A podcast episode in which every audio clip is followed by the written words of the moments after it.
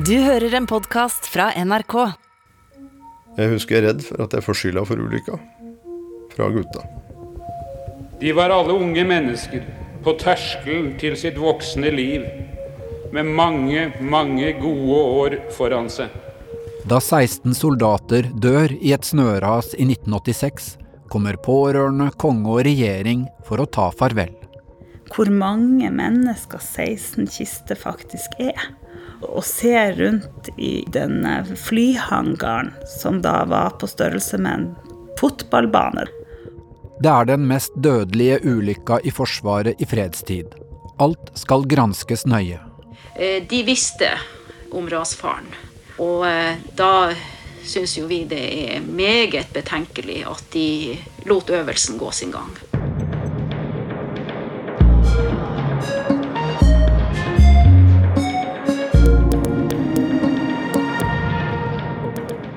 Du hører på den fjerde og siste episoden av Snøskredet i Vassdalen av Kaja Frøysa.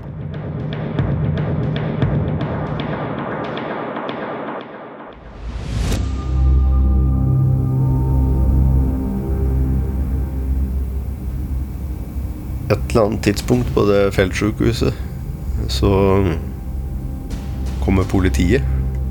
Eivind Håvin er eneste befal som overlever raset. Han er skadet og ligger på feltsykehuset i Bjerkvik ved inngangen til Vassdalen. Jeg hadde mye tanker om skyld. Og jeg ante ikke hvordan tilstanden var på folk. Eivind vet ennå ikke at over halvparten av soldatene i troppen hans er døde. Da ble jeg tatt bort i en del av feltsykehuset. Der eh, står det står et sånt Respatex campingbord. Uh, to plastikkontorstoler. Og det er en båndopptaker, og det sitter en politi der. Og blir da avhørt uh, om hva som har skjedd. Det er nok veldig mye skyld, skyld og tanker rundt det, det på, på det her stadiet her. Jeg skjønte ikke at det var standard prosedyre at, at man blir avhørt. Etter en natt på feltsykehuset blir han flyttet tilbake til leiren der resten av troppen er. Det kommer én eller to grønne nærmest transporter med seter i. Hvor det er plass til åtte-ni stykker. Eh, hvor vi blir plassert inn da, vi som har vært på feltsykehuset fra troppen. Jeg var redd. Eh, for at de gutta skulle gi meg skylda for det raset. Så vi kjører inn i Holmen leir, og vi kjører den bilen ned på kaserna. Der hvor troppen bodde. Og det er folk som tar imot oss. Føler det var litt sånn nysgjerrighetsmottakelse. Men da ble, hadde de gjort i stand ei seng på et av rommene der. At jeg skulle sove i en av sengene. Ligge der og sove sammen med de andre gutta. Og det var jo ikke jeg klar for. Men da var det Klaus kom. Han skjønte det. Han skjønte at det var Her skulle ikke Eivind være. Klaus Svendsen var en av de to troppssjefene som prøvde å protestere mot å gå inn i Vassdalen kvelden før ulykken. Så han tok meg med og tror han skjelte de ut for at de hadde prøvd å plassere meg der nede. Og så jeg ble i hvert fall ført bort derifra, og Og, og det Da hadde jeg fått krykker. Dagen etter ulykken, som tok 16 unge soldatliv, oppnevner Forsvaret selv en granskingskommisjon for å forsøke å finne ut av hva som skjedde. Men både politikere og overlevende protesterer på at Forsvaret skal granske seg selv. Fordi det er kommet antydninger om at militærledelsen ikke tok hensyn til advarslene om rasfaren. Ja, dette er jo en veldig tragisk uh, ulykke, og det det gjelder nå, er å unngå at noe slikt kan skje igjen. Eh, for å få til det trenger vi en eh, mest mulig uavhengig, objektiv gransking. Og da er det viktig Regjeringen bestemmer at en sivil kommisjon skal granske ulykken. Lagmann Agnes Nygaard Haug skal lede arbeidet. Vi skal kunne klarlegge ganske fullstendig og godt hva som faktisk skjedde. Så kommer jo den neste delen av vårt mandat, og det er spørsmålet hvem som hadde ansvaret for dette, om noen person eller noen etat kan lastes. De avhører over 80 personer. 20 år gamle Eivind blir kalt inn. Håvin får anledning til å lese gjennom sin eh, politiforklaring av 6. mars. Avhørene blir tatt opp på kassett. I et dårlig lydopptak forteller han om sekundene før raset går. Jeg gikk ned igjen der de sto og spadde, og passerte noen fire-fem stykker. Så stoppa jeg og så på dem. Og akkurat hadde vi ikke stått der lange tida. Det er et om sekunder, da kom raset. En av soldatene som gikk innover i dalen, tok bilder av medsoldatene rett før skredet gikk. På en av gutta så var det et kamera Nestkommanderende Stein Gunnar Frosterud. Jeg tok meg tilbake. Eh, vi fremkalte filmen. Eh, og det var faktisk en del av bildene på den filmen som var brukbare. Kameraet var ikke så veldig vannskada. Og det viser jo da hvordan været var kort tid før skredet gikk. Men når de bildene ble fremkalt, så viste det jo tydelig hvilke utfordringer gutta sto overfor når de sto nede i skogen der, før de kom inn til Storforsen, og grov i snøen. Troppssjef Klaus Svendsen forteller senere at han og kollegaen hans forgjeves prøvde å stoppe marsjen inn i Vassdalen i et ordremøte sent på kvelden den 4. mars. De to troppene var nå underlagt sjefen for 3. bataljon, og det var kun bataljonsledelsen, brigadeledelsen eller øvingsledelsen som på dette stadiet kunne ha stoppet den planlagte marsjen. Jeg eh, anbefalte på det sterkeste at de eh, ikke gikk inn i Vassdalen. Eh, deretter så forsto jeg dit hen at de ikke var, ville følge opp den anmodningen. De to troppssjefene la fram den samme bekymringen for oppdraget overfor ledelsen i 3. bataljon, som de hadde gjort i et tidligere ordremøte med sin egen kompaniledelse. Jeg føler jo sjøl at jeg brukte da hele tida til å advare og prøve å påvirke, eh, sånn at ikke oppdraget skulle gjennomføres. Det var ingen av oss som på det stadiet trodde at det ville bli noe marsj innover i Vestfold. I avhørene innrømmer sentrale offiserer i Brigade Nord svikt på flere plan, og at de bl.a. aldri ga de vernepliktige den pålagte opplæringen i hvordan de skulle ferdes i skredfarlig terreng. Det var svikt eh, når det gjaldt eh, opplæring i eh, skredfare, og hvordan man håndterer situasjoner hvor det er akutt skredfare. Når forsvarsministeren senere redegjør for Stortinget, sier han at denne ruten skulle være trygg, og at det er et populært turområde. Den mest skjulte marsjrute for bataljonens flankering ble vurdert å være ruten Hartvikvann, Vassdalen, Bukkedalen, Raudalen, Bonestalen. Familien Marsgard er fra området og kjenner Vassdalen godt. Og de får ikke dette til å stemme. Vi bor bare fire mil fra der han Arne dør. Else Marie Marsgard mister storebroren Arne Mikael i ulykken. Så vi er og går inn i det terrenget, og vi snakker med de folkene som bor der, og vi vet at det er ikke sant. Den historien som de andre som bor på Østlandet eller Vestlandet, får høre om Vassdalen, den stemmer ikke. Dette området blir også flittig benyttet av befolkningen i Narvik-Bjerkvik-regionen til turgåing både sommer- og vinterstid. Nei, det er f.eks. historie om at det, dette var et trygt friluftsområde. Og, og, det er faktisk en helt feil fremstilling av Vassdalen. Det nærmer seg minneseremoni i Bardufoss for de 16 døde. Eivind Håvin, som er skadet, får hjelp av en medsoldat.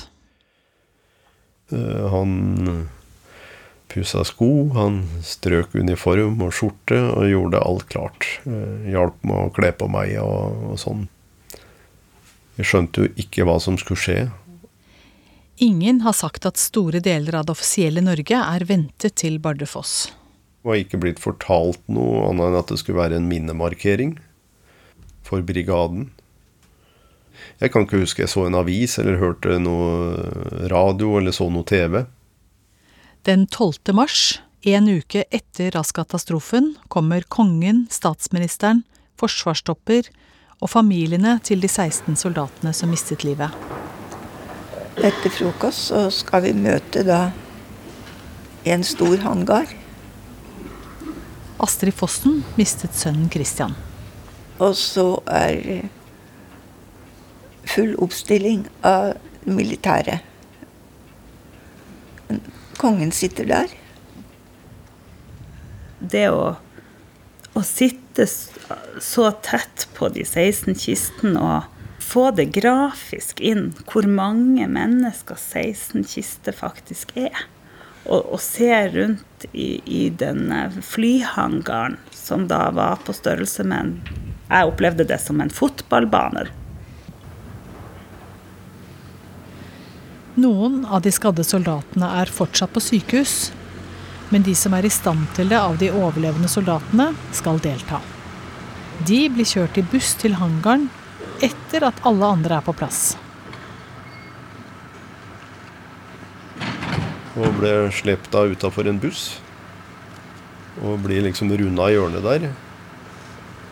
Og der står det jo da 16 kister med norsk flagg over seg. Og hele hangaren full med mennesker. Det var jo satt ut masse stoler. Der satt det folk. Så det var jo ingen plasser til oss i troppen. Så vi blir jo stående der. Jeg blir stående hele seremonien på krykker. Og det blir holdt en del taler.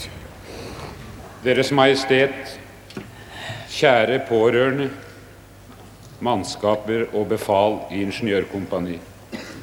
Pran sier det er mine gutter. Det er mitt ansvar. For meg, soldatene og befalet i ingeniørkompaniet, vil denne dagen alltid bli stående som den tyngste i vårt liv. Det er sjefen for brigaden i Nord-Norge, oberst Arne Pran, som tar på seg hele ansvaret for soldatene som mistet livet. Vi kommer aldri til å glemme dem.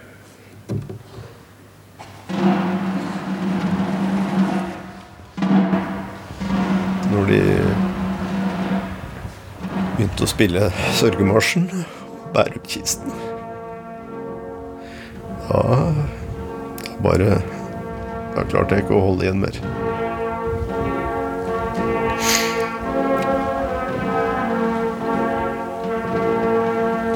Så tror jeg vi sto der.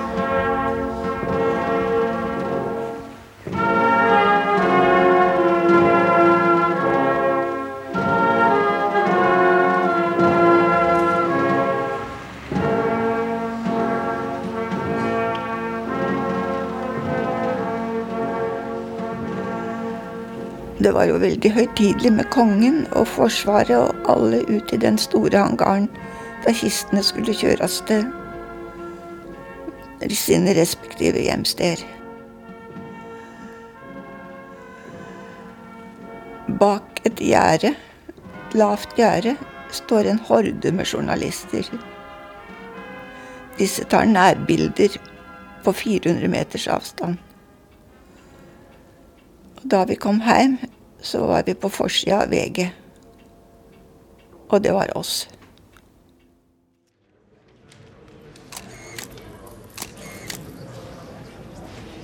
Fire måneder etter ulykken er granskingskommisjonen klar med sin rapport.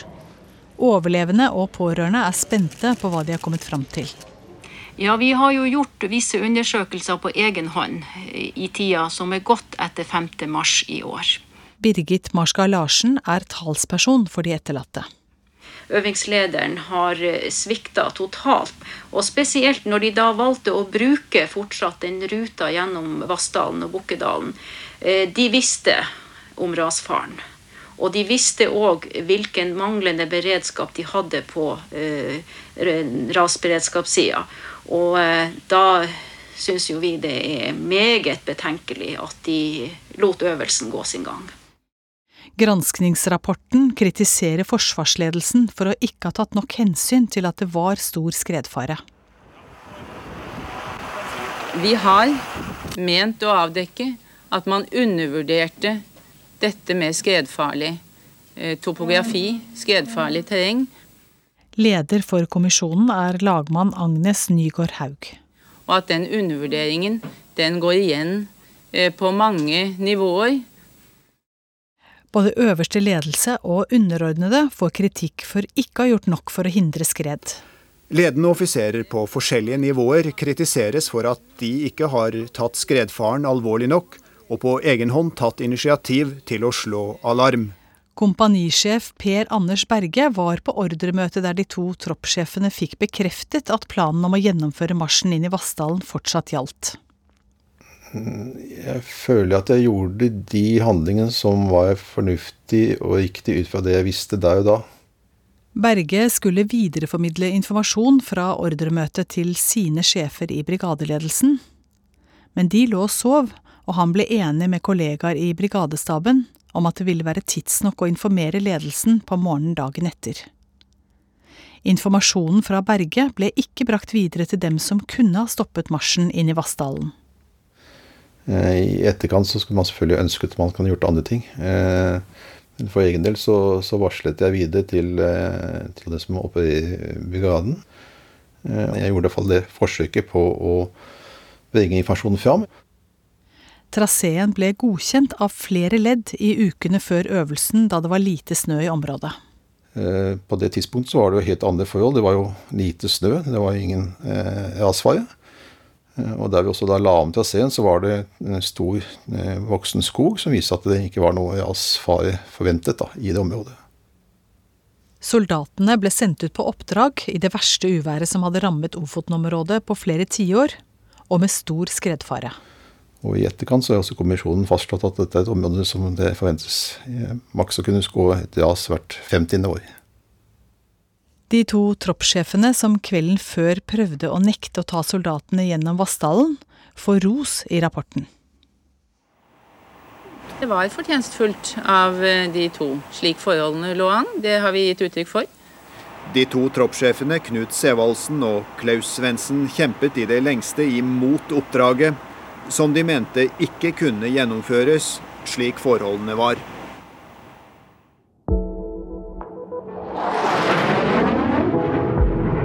Lydbølgene fra et britisk Jaguar jagerfly som passerte området omtrent samtidig som raset gikk, blir også vurdert som en mulig årsak. Men granskingskommisjonen konkluderer med at det ikke er mulig å si med sikkerhet. Jagerflyteorien har også senere vært oppe bl.a. i en artikkelserie i avisa Fremover. De nye opplysningene om flyaktiviteten i Vassdalen har fått audiofysiker og doktor filos Gordon Flottorp til å reagere. En jetjager stråler ut ganske store energimengder. I støy så er det jo også turbulent luft som kan være med i bildet. Avstand under 100 og 150 meter i hvert fall, så er det ganske kraftig. Det at jagerflyet skal ha utløst skredet, har aldri blitt bekreftet. Og det finnes fortsatt ingen sikker teori på hva som er årsaken, annet enn at det var uvanlig stor skredfare da soldatene ble sendt inn i dalen.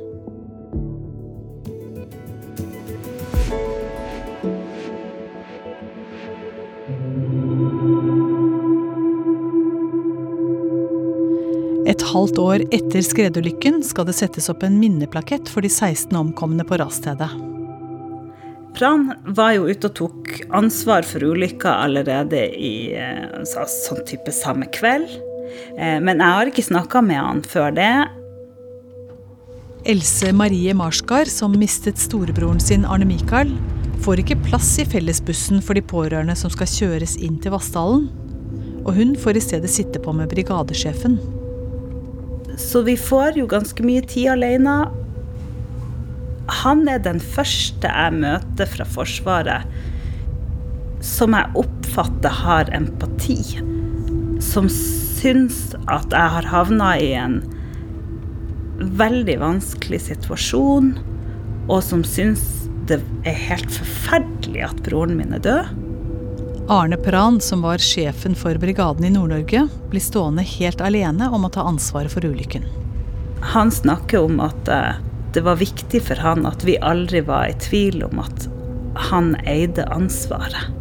At han Arne og hele brigaden hans var hans ansvar. Men eh, han hadde jo trodd at eh, at det kom til å være også flere som trådde fram og tok et ansvar og fortalte om sin rolle og, og sine vurderinger. Og, og, så så han seg liksom over skuldrene så, der i bilen, og så sier han eh, Men eh, det var jo tomt på sida.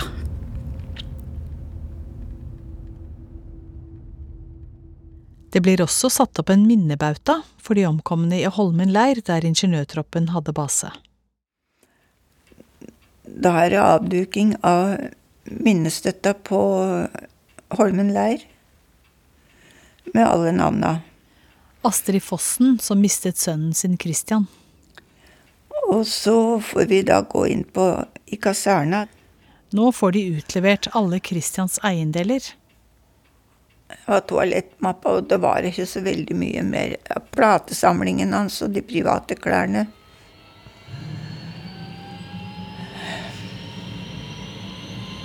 Og så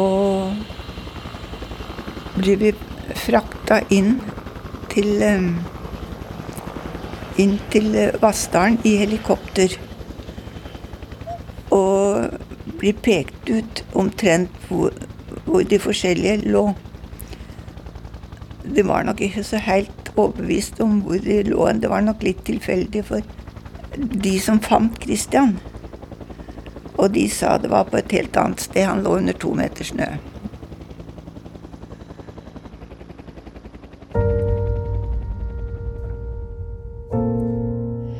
Det blir ingen rettssak mot de ansvarlige lederne, men staten påtar seg det formelle ansvaret for ulykken, og de etterlatte og overlevende får en erstatning for det de har gjennomgått. Advokat Olav Hestnes. Prinsippet er klart. Den norske stat, det norske forsvar, tar et ansvar. Staten har erkjent full erstatningsplikt. Det er det samlede bildet av svikt som den norske stat nå har erkjent at dette skal vi gjøre opp for. Sersjant Eivind Håvin kom seg løs etter at raset hadde begravd troppen hans og løp etter hjelp. Han var det eneste befalet som overlevde ulykken, og han har hatt mye skyldfølelse for det som skjedde med troppen. Over 30 år senere, en marsdag i 2019, får han en overraskende telefon. Jeg kjørte, og det ringte, og det ringte, og det ringte, og det ringte. Han ser at det er et ukjent nummer, og tar den ikke. Det ga seg jo ikke. tenkte jeg nei, jeg tar den. Og så trykka jeg på telefonen. Og så sa jeg ja. Og så sier han ja, det her er altså Odin Johannessen. Jeg er uh, sjef av hæren. Jeg skjønte at her er det et eller annet, antagelig med Vassdalen. Her er det noe høyt og alvorlig. Så jeg var i helspenn. Og så sier han, og jeg kan fortelle deg, at du er blitt tildelt Forsvarets medalje for edeldåd. Da begynte jeg å strigråte. Og måtte bare se etter et sted og prøve å stoppe bilen. Det er medsoldatene som har foreslått at han og Per Åge Nymoen, som også løp etter hjelp, skal få den ærefulle medaljen, fordi de risikerte sitt eget liv i forsøk på å hjelpe dem som var tatt av raset. Deres Majestet, kaptein Ellersen stiller Forsvarets sommeravdeling, klar til parade. Takk.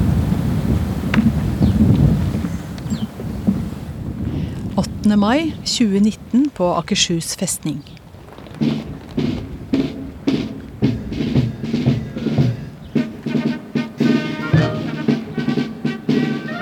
Garden var jo der. Spilte musikk og, og drilla. Og vi sto jo oppstilt som en del av de militære avdelingene der. Forsvarssjef Håkon Brun-Hansen beskriver snøskredet i Vassdalen som Forsvarets verste ulykke i moderne tid. Men på en slik dag, en kaotisk situasjon, var det enkeltsoldater som holdt hodet kaldt, som gjorde de rette valgene, og som bidro til å redde liv blant sine medsoldater. Forsvarets medalje for edel dåd er tildelt Eivind Hovin og Per Åge Nymoen. Og jeg ber Hovin og Nymoen komme frem. Så når vi da skulle fram og hente medaljen, så måtte vi jo marsjere over hele festningsplassen. Og vi skulle hilse på forsvarssjefen og gi, gjøre vendinger og, og sånn. Jeg, jeg har, var veldig bevisst på den dagen her. At den skulle jeg bruke til å få, få bort gamle, dårlige minner.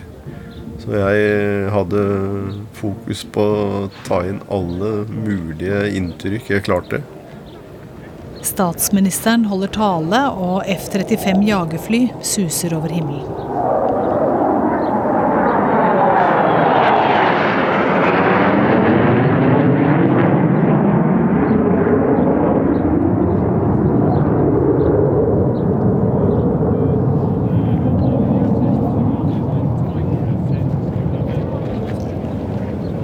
Da, var, da kom jo virkelig alvoret. Og følelsene og tankene til på, på alle gutta. Og jeg følte at her gjorde staten alt de kunne. Og det retta opp kan du si, en behandling som kanskje ikke har vært så bra. Og så underveis under arrangementet så var det veldig mange som kom bort til meg og kom inn på det at Forsvaret hadde et veldig høyt fokus på sikkerhet i dag. Så jeg fikk en veldig god følelse av at Forsvaret har endra seg. Og det var veldig viktig for meg at det har skjedd. For det er noe av det viktigste som måtte komme ut av den ulykka. Det var jo at man lærte av den og gjør alt man kan for at det ikke skal skje igjen.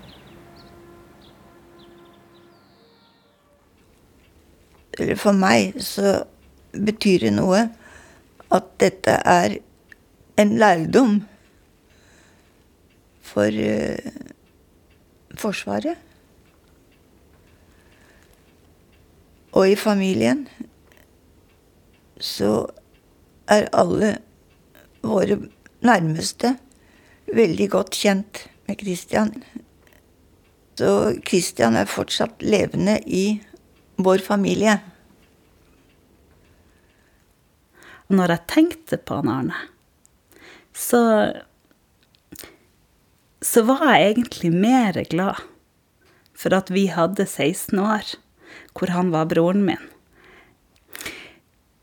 Så den, den veldig onde følelsen av å miste han ble etter hvert også en litt en litt fin følelse. Else Marie husker tilbake på siste gangen hun så storebroren sin. Tre dager før rasulykken ga han overraskende den store kassettspilleren sin til henne. Og så, og så da han døde, så, så var eh, Broken Wings, som plutselig bare festa seg voldsomt eh, for meg. Så for meg så er Broken Wings det Det er at han Arne dør.